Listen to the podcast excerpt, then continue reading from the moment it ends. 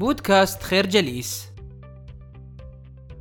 العقل اللاواعي يتشكل من خلال عدة معتقدات تدخل إلى عقل الإنسان أثناء حياته من الصغر للكبر.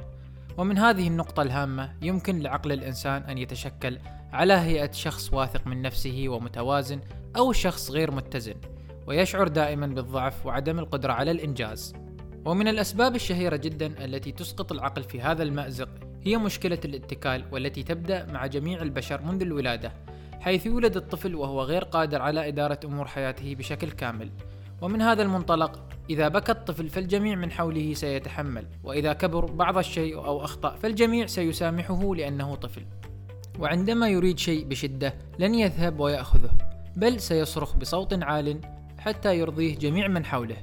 هذا ما نسميه عملية الاتكال المستمرة والذي يقع فيها العديد من الناس حتى بعد تخطيهم مرحلة الطفولة فتصبح سعادتهم تتكل على معاملة الآخرين لهم بشكل جيد وتصبح أحلامهم مبنية على مساعدة الآخرين لهم وتصبح مشاعرهم تعتمد على حب الآخرين لهم.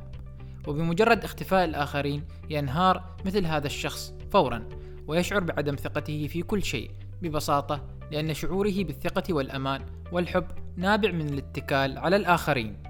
ولذلك على الآباء أن يربوا أبنائهم على عدم الاتكال على نظرة أو حب الآخرين لهم. فمثلا لو لديك طفل أحضر لك كوبا من الماء. لا تقل له شكرا أنت طفل رائع. بل قل له شكرا لأنك أحضرت الماء.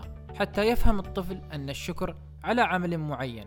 ومن هذا المنطلق عقل الطفل سيتجه للعمل وليس لاستجداء الكلام اللين عن طريق العمل.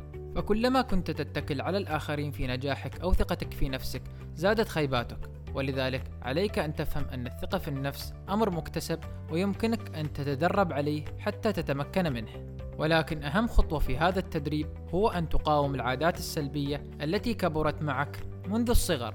بل أحيانا يكون الناس دفاعيين جدا عن أفكار توارثوها من الصغر دون أن يفكروا فيها ولا يعرفوا مدى تأثيرها السلبي عليهم.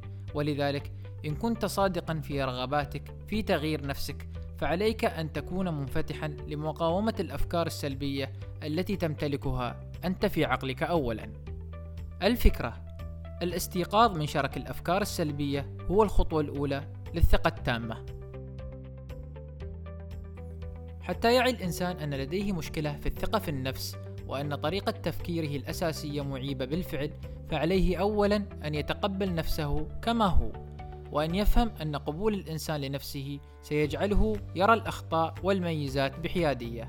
ومن هنا يبدأ الإنسان أن يعطي لذاته تقديرا حقيقي مبني على نظرته لنفسه وليس نظرة الآخرين له.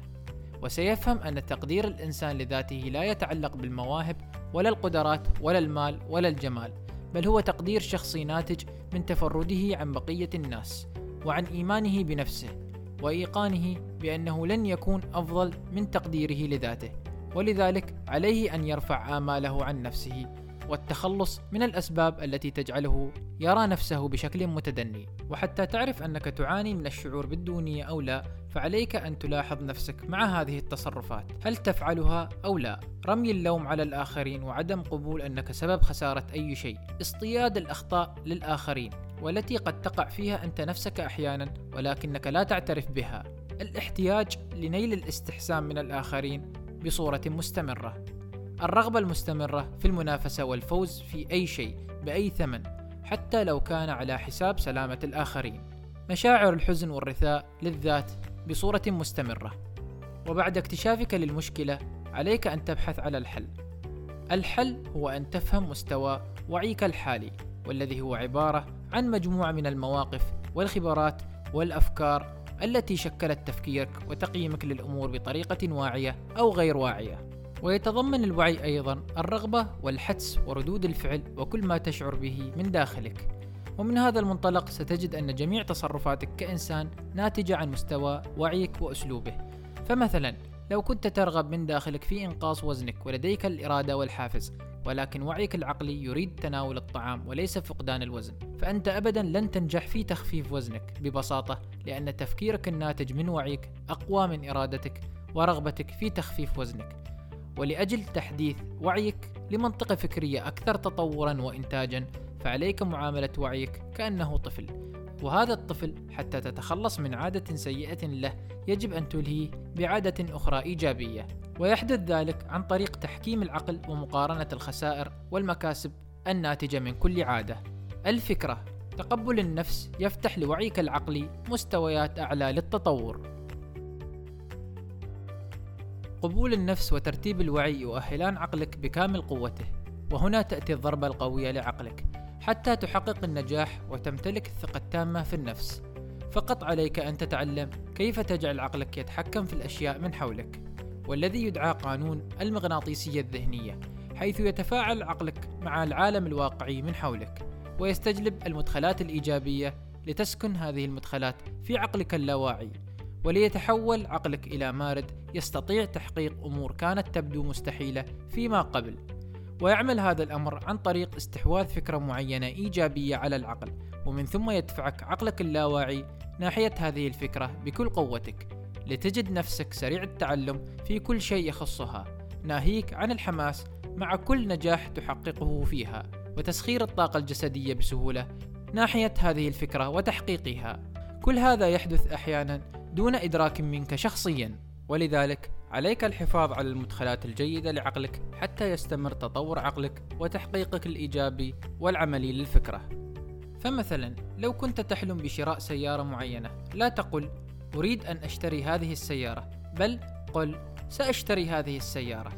هذه الطريقة في التحدث ستجبر عقلك على أن يبحث عن حل يوفر لك المال من أجل شراء هذه السيارة وحينها ستجد الظروف تتغير من حولك. وهذا ليس بسبب أن عقلك غير الظروف ولكن لأن عقلك بدأ يرى الظروف المحيطة به بشكل إيجابي ليستنبط منها الفوائد والميزات. والأمر لا يقتصر فقط على الكلمات بل أيضا العاطفة والخيال. فمثلا لو كنت تريد أن تصبح ممثلا شهيرا يمكنك أن تكون هذا الممثل في غرفتك. حضر مشاهد تريد تمثيلها تعامل معها على أنك تمثلها بالفعل بكامل عاطفتك وخيالك. وحينما تأتيك الفرصة الحقيقية للتمثيل ستجد نفسك تمثل بأقل مجهود يذكر وذلك لأن العاطفة والخيال دائما بداخلك ولم يتركوك قط. الفكرة الاهتمام بالمدخلات الإيجابية للعقل يؤكد النجاح والثقة. على الرغم من التزامك الكامل بكل ما سبق ونجاحك بالفعل في اكتساب ثقتك بنفسك سيتبقى آخر شيء من الممكن أن يعيق ثقتك التامة وهو خوفك الداخلي من التطور والتغيير حيث أن هناك أشخاص من فرض جلوسهم في جو سلبي لن يتحملوا التغيير الإيجابي بصورة كاملة. ولأجل أن تكسر هذا الشعور يمكنك أن تبدأ في تغيير أشياء بسيطة في حياتك مثلا ملابسك. يمكنك أن تجدد من طريقة ملابسك. بدلا أن ترتدي الزي الكلاسيكي بصورة دائمة يمكنك أن ترتدي الزي الكاجوال أو العكس. أو من الممكن أن تغير قصة شعرك لقصة أفضل أو أن تغير أساس منزلك. هذه التغييرات البسيطة ستجعلك تدريجيا تتقبل مبدأ التغيير في حياتك ومنها ستتقبل التطور المصاحب للتغيير. ومن هنا ستبهر نفسك والآخرين بمدى قدرتك على التغير والتطور. وربما أهم ما تحتاج لتغييره وتطويره من أجل الحصول على الثقة التامة في النفس هو طريقة التواصل مع الآخرين. لأن في تعاملك مع الآخرين سيتم اختبار ثقتك الحقيقية في نفسك. ومن ضمن الأخطاء الشائعة هي عدم حفظك لاسم الشخص الذي تتكلم معه. فتشعر داخلك بالإحراج لأنك تصنع معه حديثا ولا تستطيع أن تتحدث معه بشكل شخصي في نفس الوقت. والحل الأمثل لتخطي هذه المشكلة هو الإنصات.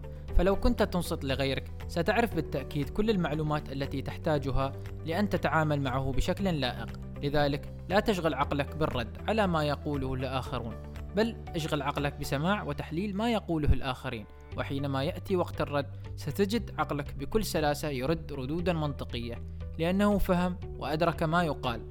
ولذلك الإجابة تكون سهلة وسريعة وهذا سيعطيك انطباع إيجابي أمام الناس.